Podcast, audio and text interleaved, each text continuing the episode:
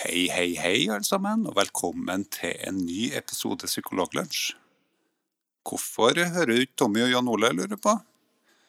Jo, det har seg sånn at det her er tatt opp i etterkant, eh, da jeg etter opptak i går oppdaga at oi sann, etter sju minutter så, så hadde jeg glemt av å skru på mikrofonen min. Jeg kjøpte meg en ny mikrofon, og, det gikk jeg da glipp av at det skulle stå på rec på mikrofonen min. Dette innebærer da at jeg satt der sammen med Tommy og Jan Ole eh, på opptak, og så sa ikke jeg noe til dem. For jeg er en god amatør, jeg sier ikke når jeg gjør feil. Så de er lykkelig uvitende om det her, at jeg spiller inn det her i etterkant. Og skal vi ikke inngå en eh, allianse, folkens? Vi sier ikke noe til dem. Vi sjekker hvor lang tid det tar før de oppdager akkurat dette her. Eh, og så får vi se om de er ekte psykologlunsjlyttere. Da kjører vi vignett. Nå vil jeg late som at jeg skal være med i programmet i de sju første minuttene. Og så får dere høre etter om det høres ekte ut. Ha en god lunsj, da, folkens. Kjør vignett.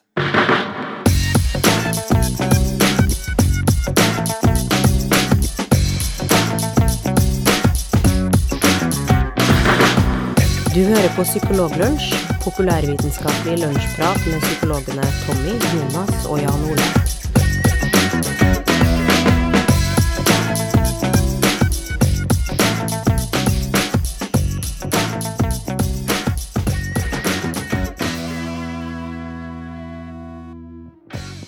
Hei og velkommen til Psykologlunsj. Jeg sitter her som alltid sammen med Tommy og Jan Ole. Og det er jo akkurat sånn de er helt live sammen med meg, for det her er jo på ekte. Hvordan går det, folkens? Jo, det går bra. Det har vært vanvittig varmt i Trøndelag i dag. Når vi tar opp eh, Det her er jo da i 14. oktober, og det har vært eh, 22 grader i dag. Det er helt vilt.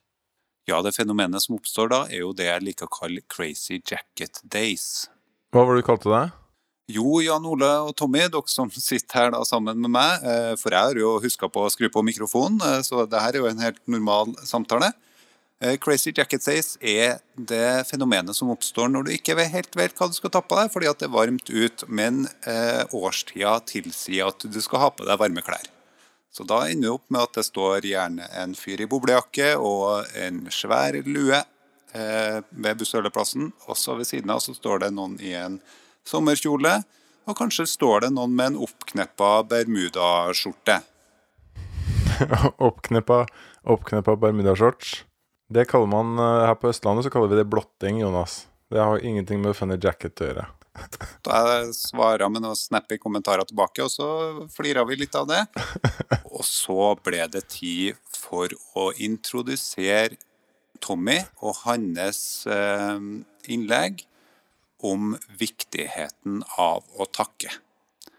Tommy, kan du ikke snakke litt om viktigheten av å takke? Ja, Først så vil jeg jo si takk for at du introduserte eh, temaet. Det var veldig Det var veldig snilt av deg.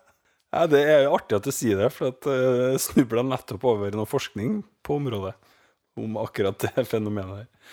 Eh, nei, det har seg sånn da at en, eh, det er noen forskere som har funnet ut at de ville undersøke litt om eh, Ikke om effekten i seg sjøl, om effekten av det å si takk, og hva den gjør med liksom, folk. For det er man vel ganske eh, sikker på at det er veldig ok å få en takk i ny og ne når du har eh, gjort noe for et annet menneske. da. Men eh, litt om hvor vanskelig det er å vurdere sjøl. Hvor, eh, hvor glad folk blir da når du takker dem, f.eks. Det var litt sånn flere uh, aspekter av det her, da. Så det første det her er da uh, Kumar og Epli som, uh, har, som står bak artikkelen. Ble publisert i Psychological Science. Og det de gjorde, de, de ba hundrevis av mennesker om å skrive et, eh, et, et, et kort, men veldig spesifikt brev, eh, for å takke noen som hadde hjulpet dem da, på en eller viktig måte i, i, i det siste. Uh, ja. Nei, nei, altså bare noen som du er takknemlig for at har gjort noe for deg, da. Så, vi, så litt sånn eh, noe som kanskje du Kanskje du ikke ellers ville ha skrevet et brev for å takke, men her gjør de det, da. De blir bedt om å gjøre det. Og så, eh, på forhånd, da, så, så ber de de som skriver brevene, om å bruke en sånn skala, og vurdere hvor eh, ja, hvordan de tror at eh, mottakeren vil påvirkes, da. Så flere vurderingsområder på det. Det var blant annet Tror du de vil Hvor, hvor, hvor overraska vil de bli av å få brevet? Vil de bli overraska av innholdet? Altså hvis på, på, Med andre ord, visste de at de eh, det de gjorde, kom til å bli satt pris på? Eller ville det være et overraskelseselement i det? Um, men også ville det å lese det gjøre at de føler seg eh, ubekvem, eller, eh, eller Og også hvordan vil det påvirke humøret deres, da. Litt sånne type spørsmål. Um, og så spurte de også da de som mottok brevet, de samme spørsmålene, eh, for å på en måte få fasiten, da. Og det som var resultatene, er at folk er ganske dårlige da, til å eh, forutse eh, den opplevelsen mottakeren får, eller har, da, når, når, de, når de mottar og leser et sånn type takkebrev. Um, de eh, Altså, man tror at, at det har mindre påvirkning på humøret, at de ikke blir så overraska osv. Eh, når leseren da egentlig faktisk blir det. Så, så det, det Det er jo litt interessant. Eh, Det er sånn type, jeg vet ikke Man kanskje er litt sånn redd for å eh, At det skal være kleint, eller at, det- at det er selvsagt. At på en måte takknemligheten er noe som ligger innbakt i selve greia, på en måte. Jeg vet ikke. Men uh, mye tyder da på at eh, det er viktigere å si takk, da, eh, faktisk.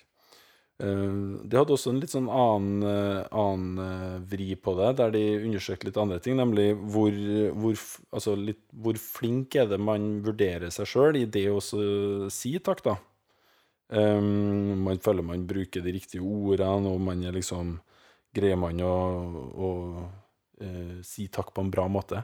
Og der er det sånn at eh, Eh, man syns sjøl at det er mye kleinere enn det det egentlig er. Og mottakeren eh, henger seg mye mindre oppi, kanskje ikke så veldig overraskende, henger seg ikke så mye opp i hvilke ord man bruker, eller eh, stilen man gjør det på, men eh, det man setter pris på, er det at det er skrevet med varme og ektehet, og at det er positivt eh, innhold i det, på en måte. Mm. Mm. Så, så, så her er det da mest sannsynlig sånn at vår egen eh, tvil om oss sjøl hindrer oss i å spre masse gode påvirkninger og eh, gode eh, følelser rundt oss i hverdagen. Det eh, høres ut som veldig gode nyheter for meg, fordi det betyr at jeg kan bruke ca. en tiendedel så lang tid på å formulere e-postene mine som jeg bruker i dag. Ja, Ja, sant. det er sant. Så ja. Men, eh, men hva, så det var type e-post, da? Altså, men ikke sånn eh, Eller var det brev? Det var begge deler. Ja. Mm. Så at, eh, men det å ta seg tida til å skrive et brev, det er ikke så mange som gjør i, i dag? Er det det?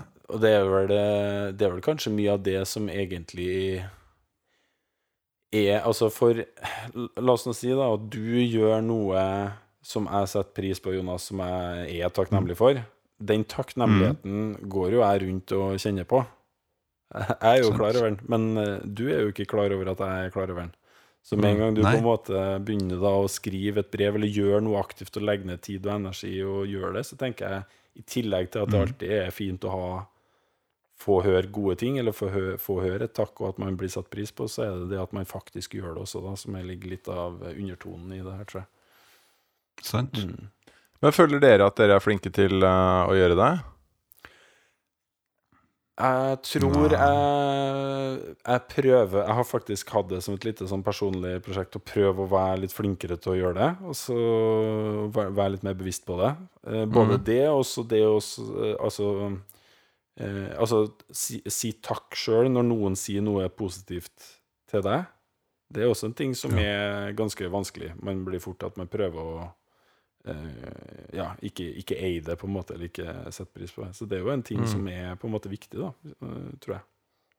Mm. Sant? Enn du? Nei, altså jeg um, Jeg tror jeg er sånn ganske bra på det. Uh, ikke veldig bra. Det er absolutt mulig å bli bedre på det. Og så Jonas, du må skru av mobiltelefonen din. Ja, gjør det akkurat nå. Takk, Jonas. Det satte Ja, jeg veldig pris på at du veldig- gjorde. Og Det- tusen Det takk var til sikkert, deg, sikkert noen som ville ringe og si takk. Du er veldig flink Eh, til å skru av mobiltelefonen når den ringer. Mm. Midt Jo, på, takk- i upassende tidspunkt. Uh, tusen takk. Det, var, det, var, det satte jeg veldig pris på at dere poengterte. Mm -hmm. uh, og da ble det mye enklere for meg å leve med det faktum at jeg hadde telefonen. Ja, det, liksom, Det er akkurat som om hele stemninga bare forandra seg med Ja, en gang. Det, bare, endrer ja. seg. Det bare ble liksom Det- noe helt annet. Men uh, bare, for, bare for å fullføre, så tror jeg at um, det er selvfølgelig mulig å bli mye bedre på det. Og så tror jeg også, når man får komplimenter, at det er uh, At jeg sikkert kan bli bedre på å ta imot det og ikke prøve å bortforklare uh, Ja. det. Og Mm. at man ikke automatisk Ryggmargsrefleksen min er jo å gi et kompliment tilbake. Ja, det er sant. Eh, og det, eh, selv om det stemmer, så tror jeg noen ganger at det kan føles som at man ikke tar ordentlig imot det komplimentet man har fått. Mm. Eh, så jeg, jeg slenger ikke fra meg komplimentet eh, fordi jeg ikke Bare for å gjøre det. Det gjør jeg ikke, men, eh, men jeg, jeg tror nok kan oppfattes litt sånn av den som eh, eh, står i mottakerenden. Mm.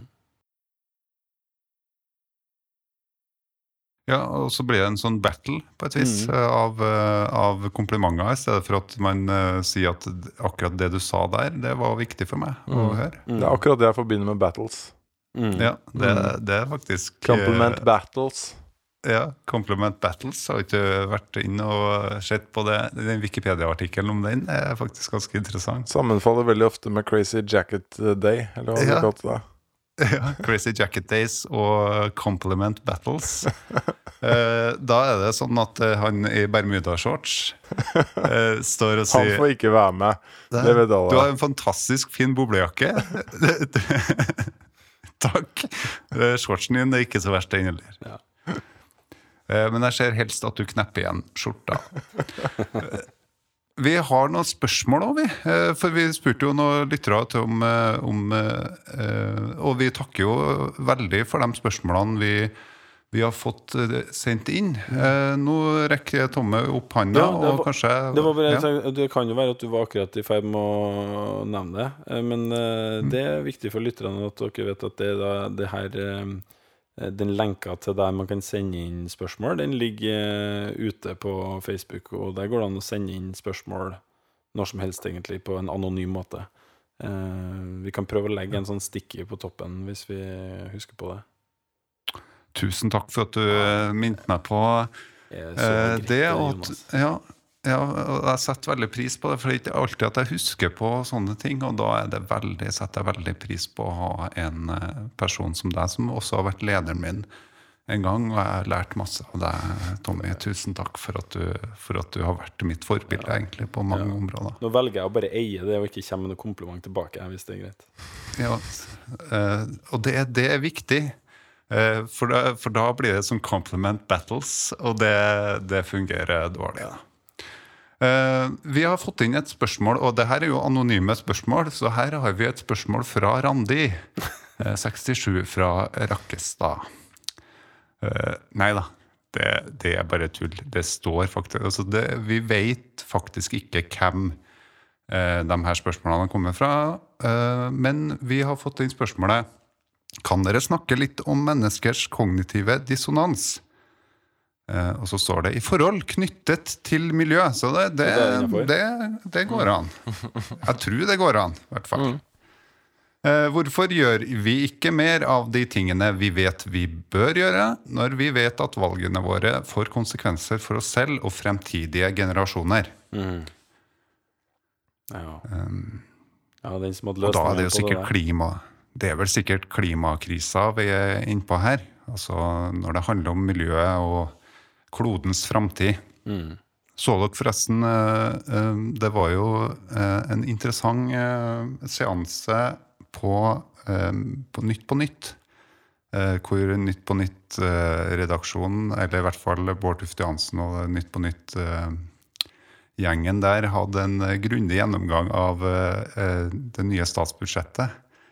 Eh, Eller en gr- grundig harselas med statsbudsjettet og det man hadde eh, satt av midler til knytta til det å løse eh, togradersmålet, da.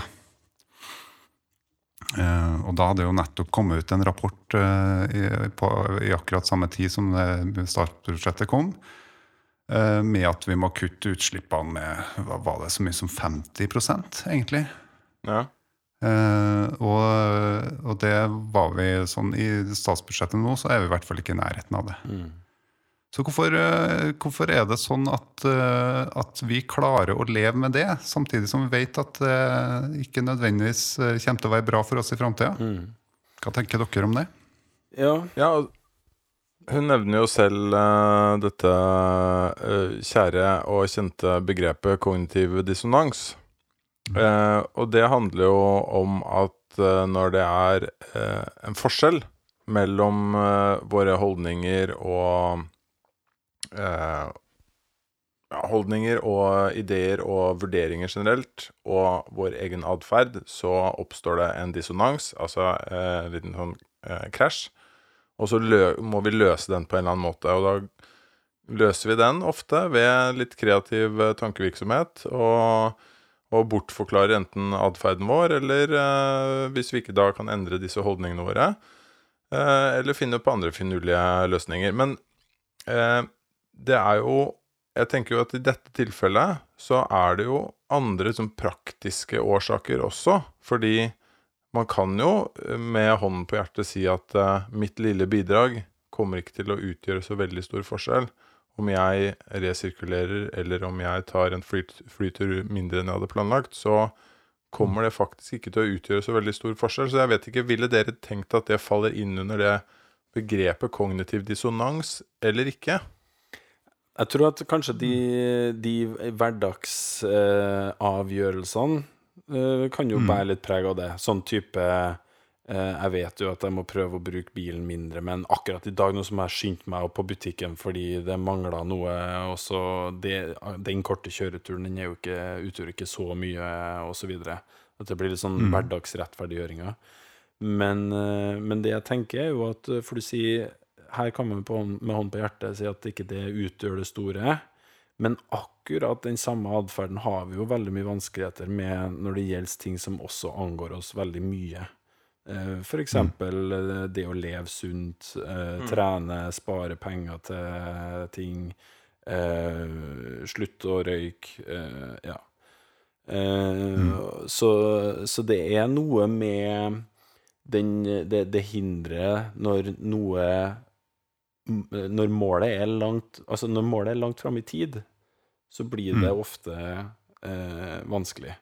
Du har et gode du, du kan få tak i, der eh, kanskje flere år lenger framme.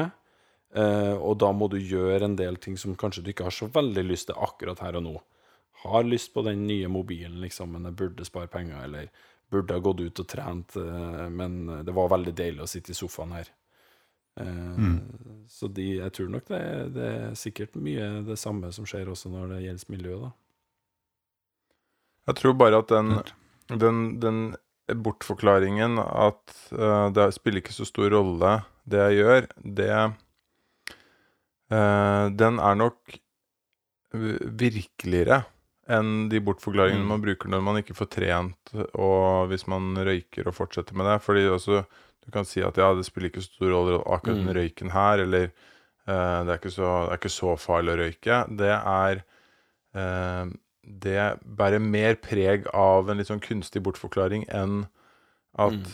uh, om jeg resirkulerer nå eller, uh, eller ikke, det spiller ikke så stor rolle. Jeg vet ikke om jeg gjør meg forstått, jeg. Ja, men jeg, jeg tenker kanskje at det, det, er ikke, det er ikke alltid at uh, At man er, det nødvendigvis er en dissonans der, da. Mm. Fordi man kan være veldig eh, Være egentlig veldig for mange sånne strenge miljøtiltak, men, men likevel eh, være av den faste overbevisning om at jeg tror ikke det funker sånn som det er i dag. Jeg tror eh, Jeg tror ikke eh, at så lenge det er så enkelt for meg å komme meg til butikken, og så lenge alle andre kjører til butikken, så, så kommer ikke mitt bidrag til å spille så stor rolle. Mm. Jeg bare, Sånn opplever jeg at mange, mange eh, resonnerer rundt det. At de heller tenker at vi må ha strenge politiske tiltak for å, for å få, til, uh, få til dette. Mm. Min atferd eh, Jeg tror ikke det er veien å gå. Ja, Ja. jeg skjønner. Så, så da er det på en måte Du har fortsatt den overbevisninga, men du har kanskje den samme overbevisninga som du hadde i utgangspunktet, da, eller? Er det det du mener, Jan Ole? Ja, jeg vet, jeg, har, jeg vet ikke helt hva jeg mener, men jeg tenker kanskje at, eh, at, det, at dissonansen ikke nødvendigvis er så, er så stor eh, i oss en del, da. Hos mange så er jo det en dissonans, og mange som sier det åpent også, at det er et ubehag knytta til det.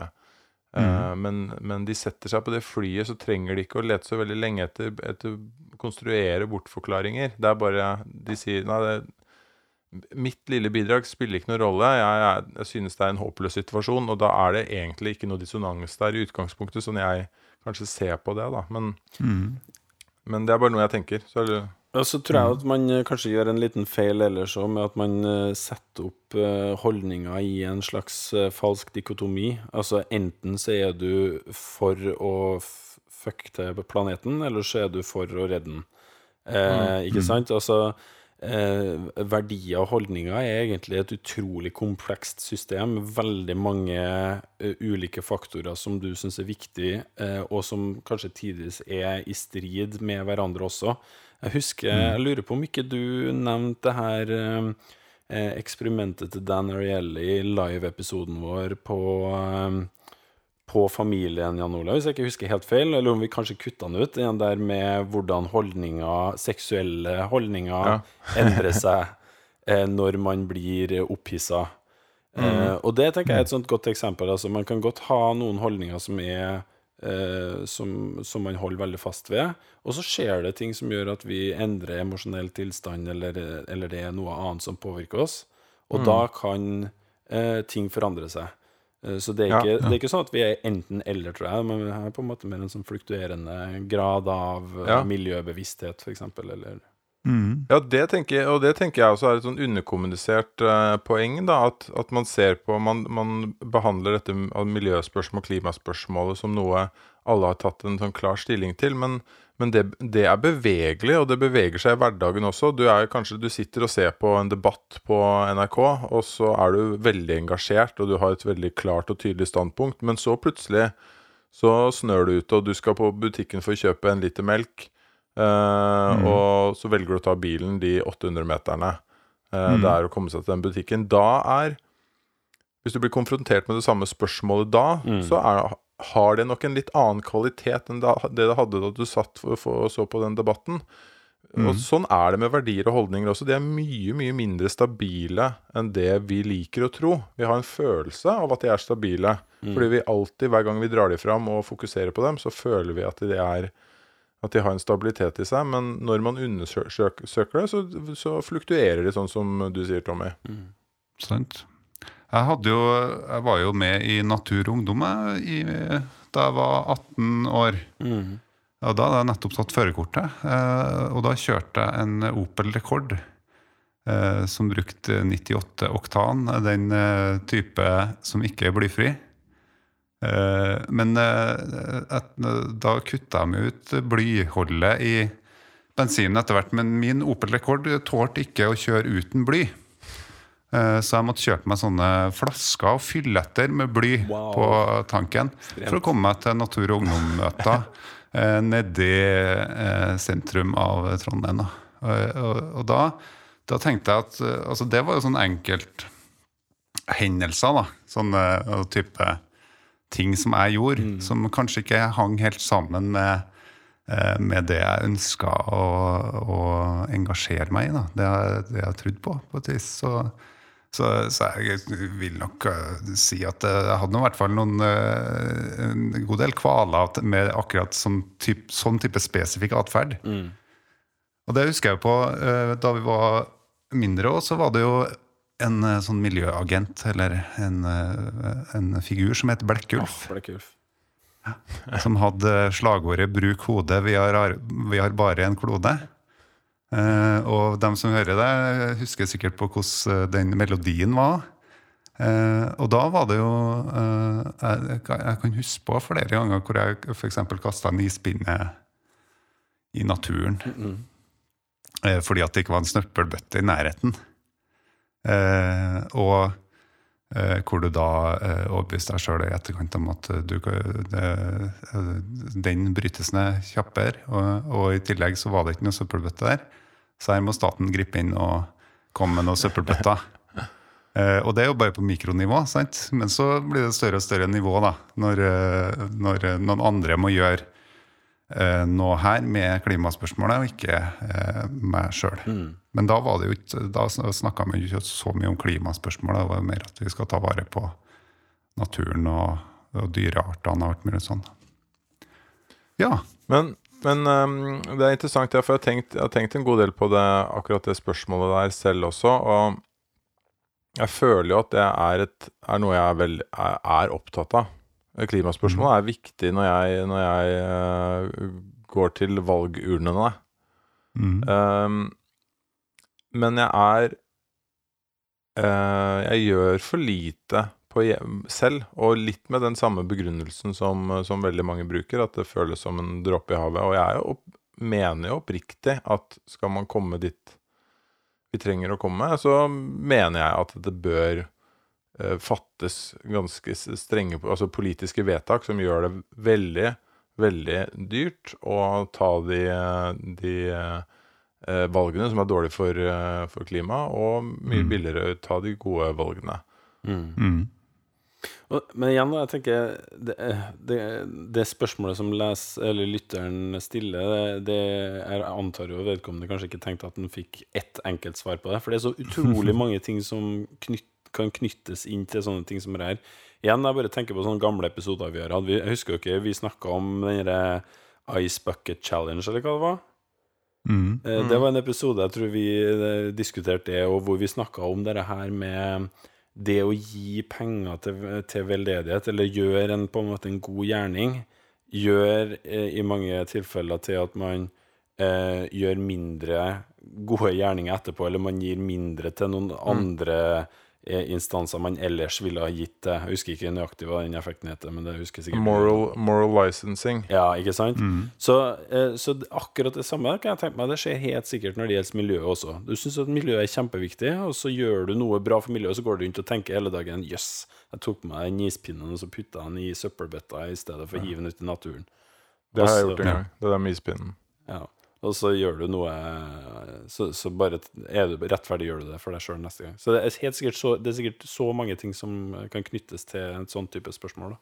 Sant. Det er klart. Vi tar et spørsmål til. Vi rekker det før vi avslutter programmet. Da har vi fått inn spørsmålet etter å ha sett Eller vi får også en påstand da først. Eh, Etter å ha sett Jan Ole briljere på Folkeopplysningen nok, nok en gang. Den påstanden. Hva er deres forhold til kjøttkonsum? Har dette forandret seg? Og eventuelt, hvorfor ikke? For det, du, det var jo et, et program her eh, om, eh, om kjøtt og kjøttkonsum, eh, Jan Ole. Kan ikke du fortelle litt om det? Ja, for en liten disclaimer, for jeg har faktisk ikke sett det. det så beklager. Så det er veldig fint at du sier hva som skjedde. Ja, nei, vi hadde Det var første episode av årets sesong av Folkeopplysningen.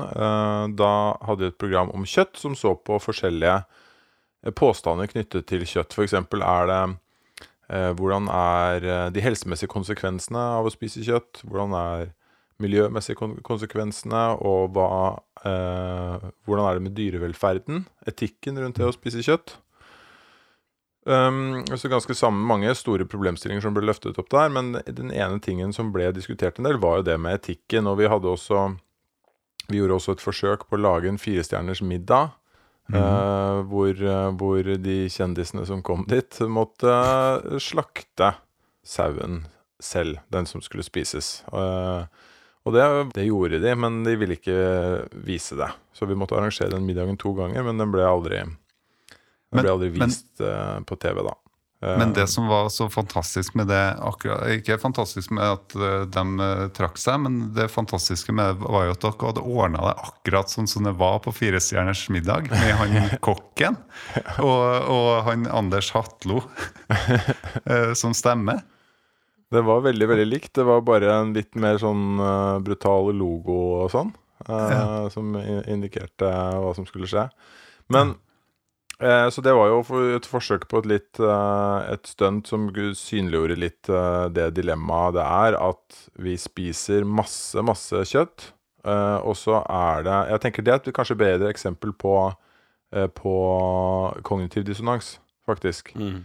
At vi, du, du, man liker ikke å forholde seg til at dyr blir drept, Mm.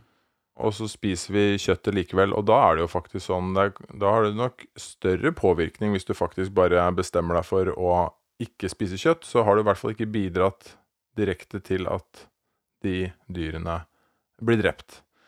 Så det er kanskje, det er kanskje et bedre eh, eksempel, og måten jeg løser det på. For jeg kjenner litt på det ubehaget. Jeg eh, føles ikke helt riktig eh, å, å, å drepe dyr for at jeg skal bli mett. Og så er Det var også et argument som Ole Martin Moen, filosof, eh, tok, fram i, eh, tok opp i det programmet. Han sa det at det er jo ikke sånn at det, det er ikke sånn at det fin, ikke finnes alternativer Mm. til kjøtt. Så det er ikke, vi må ikke spise kjøtt. Det, det må vi ikke. Eh, Så da er det ikke lenger sånn at vi spiser kjøtt for å overleve. Nei, vi spiser kjøtt fordi vi- det, vi synes det smaker litt bedre enn alternativet. Mm. Eh, og da havner du i en helt annen situasjon i, med tanke på det moralske dilemmaet. For det, er ikke, det moralske dilemmaet er ikke lenger jeg må spise for å overleve, så derfor må jeg bare gjøre det. Det er jeg liker det bedre. Uh, jeg er villig til at disse dyrene skal dø fordi jeg liker smaken Mm. uh, bedre. Og jeg vil jo si at jeg kanskje har noen kvaler rundt det. Måten jeg løser det på, er jo å bare å prøve å ikke tenke på det. Mm. Sant? Det er en, eh, det er en ganske dårlig eh, strategi. Jeg innser jo selvfølgelig det. Strategien funker jo, men, eh, men det, er ikke veldig, det er ikke veldig nobelt av deg. Nei, det henger, det henger ikke helt på greip, og det, er- jeg tror det er ganske mange som har det litt sånn. For når man begynner å grave i alt det som, alt det som er knyttet til kjøttproduksjon, så er det nok ganske mange som innser at det skapes en god del eh, lidelse. Altså ikke nødvendigvis i Mm. drapstidspunktet. Jeg tror ganske i det, øy, det øyeblikket dyr blir drept, så, så er det ikke sikkert at det er så Det er ikke så smertefullt alltid, det. Men sånn som kyllinger som står og tråkker oppå hverandre, eh, det korte livet de har, det er nok ikke eh, bare eh, et, et positivt eh, liv. Nei.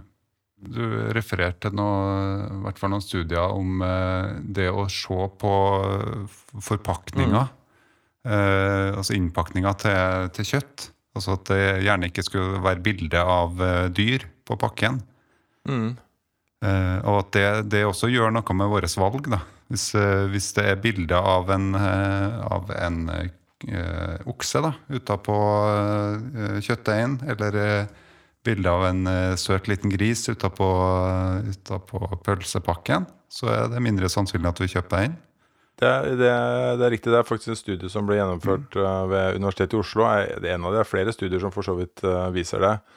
At eh, Mhm. bilder, eh, bilder av dyr i reklameformat gjør at man føler mer empati for dyrene og er mindre villig til å kjøpe de kjøttproduktene etterpå. Det er jo det, det handler jo nettopp om det jeg bruker som strategi. Jeg vil helst ikke tenke på det, og da vil jeg helst ikke minnes eh, på denne koblingen når jeg går i butikken heller. Så det er jo påfallende få bilder av dyr på, på kjøttproduktene i, Mm.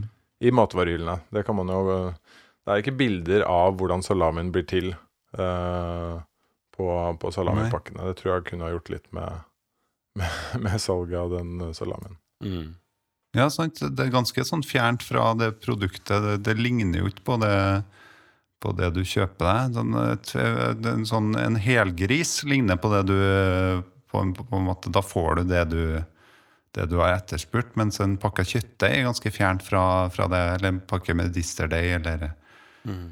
Eller ei blodpølse. Det er bare sånne ting som jeg bare tenker på akkurat nå. Eh, eh, lurer på hvordan det der eh, påvirker f.eks. det å gå og se i ferskvaredisken når man kjøper fisk, f.eks. For, eksempel. for de er jo sånn som de er. Men samtidig så er det jo mye som Altså Det er jo noen studier som gjør hvilke dyr er det du em har mest empati for. Eh, gjerne de som ligner mest på oss, da. Eh, og fisk er jo ganske langt Det er jo et stykke unna i evolusjonstreet. Mm. Men det, de ligger jo der med, med øya og, og ser på deg, skal Ja. jeg si. Så det Mm. merker du litt sjøl òg, at akkurat det kan være litt ubehagelig. Men hvor vanlig er det, da? Er ikke hodet ofte borte?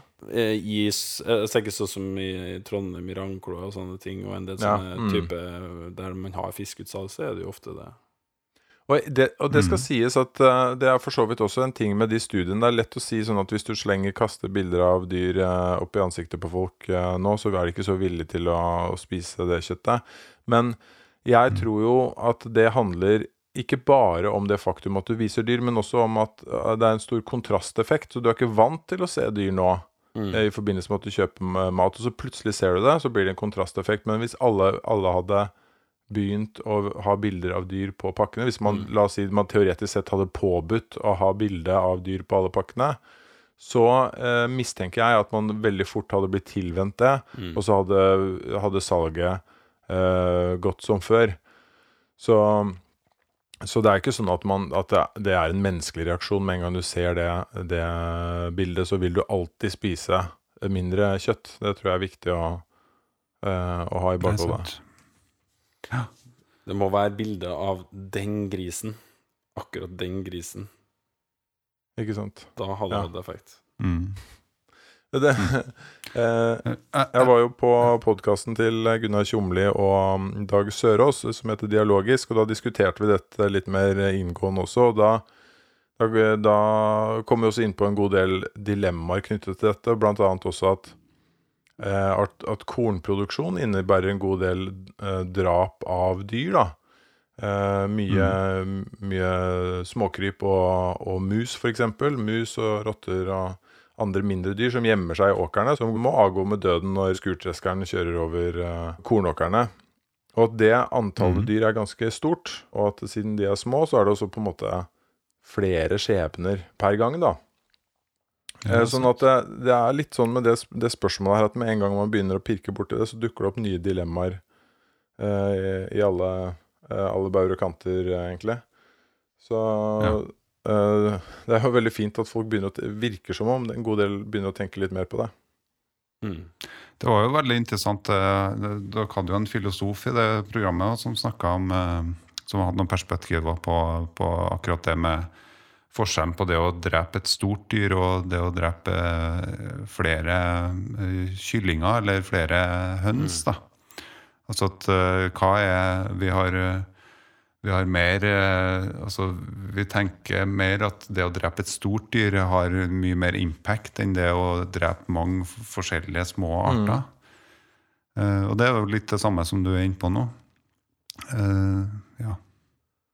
Jeg tenker jo på Jeg var Jeg så det programmet her med ungene mine. Eh, gjorde jeg. Eh, og dem, de får jo sånne type eh, små pølser i eh, sånn Søte, små pølser eh, sammen med noen chips. Eh, serverer man, og hvis man får barnemeny, så får man eh, gjerne noen kyllingnuggets som ikke ligner på en kylling i hele tatt. Eh, man, det er ganske fremmedgjort, det produktet, fra, fra det som er utgangspunktet. Og så får du en sånn, den aha-opplevelsen. altså De er fullstendig klar over at det er dyr man spiser, men likevel så den, den påminnelsen man får med å se et sånt program, da, sånn som Folkeopplysningen, når man er en niåring eh, det, det, det, Jeg så det kverna noen spørsmål i hodet deres. Eh, og også litt sånn eh, eh, mistillit til far, da. Eh, hvorfor vi holder på med akkurat det her. Eh, Ja. det, Det skaper forvirring, Jonas, når du, når du setter deg ned foran sånne TV-programmer og med det indikerer at her har dere noe å lære, og samtidig Mm. stapper ansiktet deres full av sånne pølser. Sant? Nå er det tacokveld etterpå. Ja. Eh, det er liksom eh, nå, La oss sette oss med tacoen og se på, eh, se på folkeopplysningen om kjøtt. Det er forresten veldig mange andre interessante eh, Folkeopplysningen-episoder og, og sånne så korte innslag. Eh, blant annet apropos når vi var inne på miljø her i stad, så er det jo en interessant en om eh, eh, miljøimpacten det å bruke Mm. plastposer har sammenligna med andre typer bære, altså sånn som type bomullsbærenett og sånne ting. Veldig interessant hvordan, hvordan noen sånne korte informasjonsvideoer kan, eh, kan gjøre noe med eh, Som er med og egentlig Som kan være med å bidra til at du bortforklarer eh, det at eh, eksempel, jeg har jo vært veldig eh, observant på at jeg kjøper litt for mange plastposer. Eh, eh, og så har jeg funnet ut at polyesternett, da, det er tingen. Eh, eh, for dem som eh, For ikke å avsløre det som er punchline i den episoden. Men så med polyesternett og mer plast også er lurt. Så hvis du skal Ja. Det var interessant. Eh, dere, eller eh, det, at du var med og starta her, her, eh, Jan Ole, det, det er vi veldig takknemlige for. Eh, og vi eh, er takknemlige for at du er med i denne podkasten. I det hele tatt. Jeg er veldig takknemlig for at jeg får lov til å være med. Veldig takknemlig for at du sier det, Jonas. Jeg tar det til meg, og, og vil bare vite at jeg setter veldig stor pris på at du sier det til meg. Det ble en helt annen stemning med en gang dere gjorde det der. Eh, Jeg, skal skrive det ned etterpå, så Send i det i brevs form. Du, jeg bare har lyst til å si en kort eh, random ting eh, som ikke har noe med noe av vi, det vi har snakka om nå. eh, For jeg aner meg at vi nærmer oss slutten av episoden. Gjør det. gjør Eh, det. bare eh, apropos folkeopplysningen og underholdende ting å se på. Eh, for de som ikke har fått med seg det, dere har helt sikkert sett det, så anbefaler jeg alle sammen å se Parterapi på NRK. Eh, hvis dere ikke har sett det. Har dere sett det? Ja. For det har nå Jeg har jo digga det fra første stund, og nå har det kommet nye episoder med han eh, eh, Han heter Kevin Vågenes, han, eh, han, han komikeren som spiller der. Det er bare så fantastisk, eh, så det må alle sammen se. Det skal jeg sjekke ut. Ja, det må du gjøre. Det er hilarious morsomt. Derfor også psykologstein eh, passet Ja. sitt eh, påskrevet. Det er veldig, akkurat- veldig morsomt. Og det, er, det som er så morsomt med det, er at eh, man kjenner jo de folka er, liksom. Man vet hvem de karakterene er. Det er så gøy. Det er veldig morsomt. Så fram til neste gang har dere som hjemmelekse sjekk ut eh, parterapi, og se også på Folkeopplysningen eh, fortsatt. Og skriv et brev hvor dere gjerne takker for eh, Altså plukk ut noen dere har lyst til å takke, eh, og send brevet til dem med eh, en detaljert beskrivelse av hvorfor dere har lyst til å takke dem for akkurat det. Hvis dere har lyst til å takke oss for podkasten her, eh, så kan dere sende inn det på iTunes, eller så kan dere også eh, sende inn det i spørsmålsform ja. på, på Psykologlunsj-sida vår på Facebook. Takk eh, for laget, folkens. Eh, Vi ses eh, om sånn cirka to uker.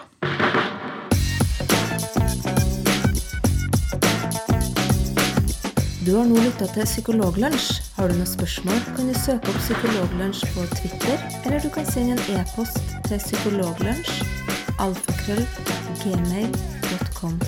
Mer informasjon om temaet du har hørt i dag, finner du på psykologibloggen.no og tankesmed.no.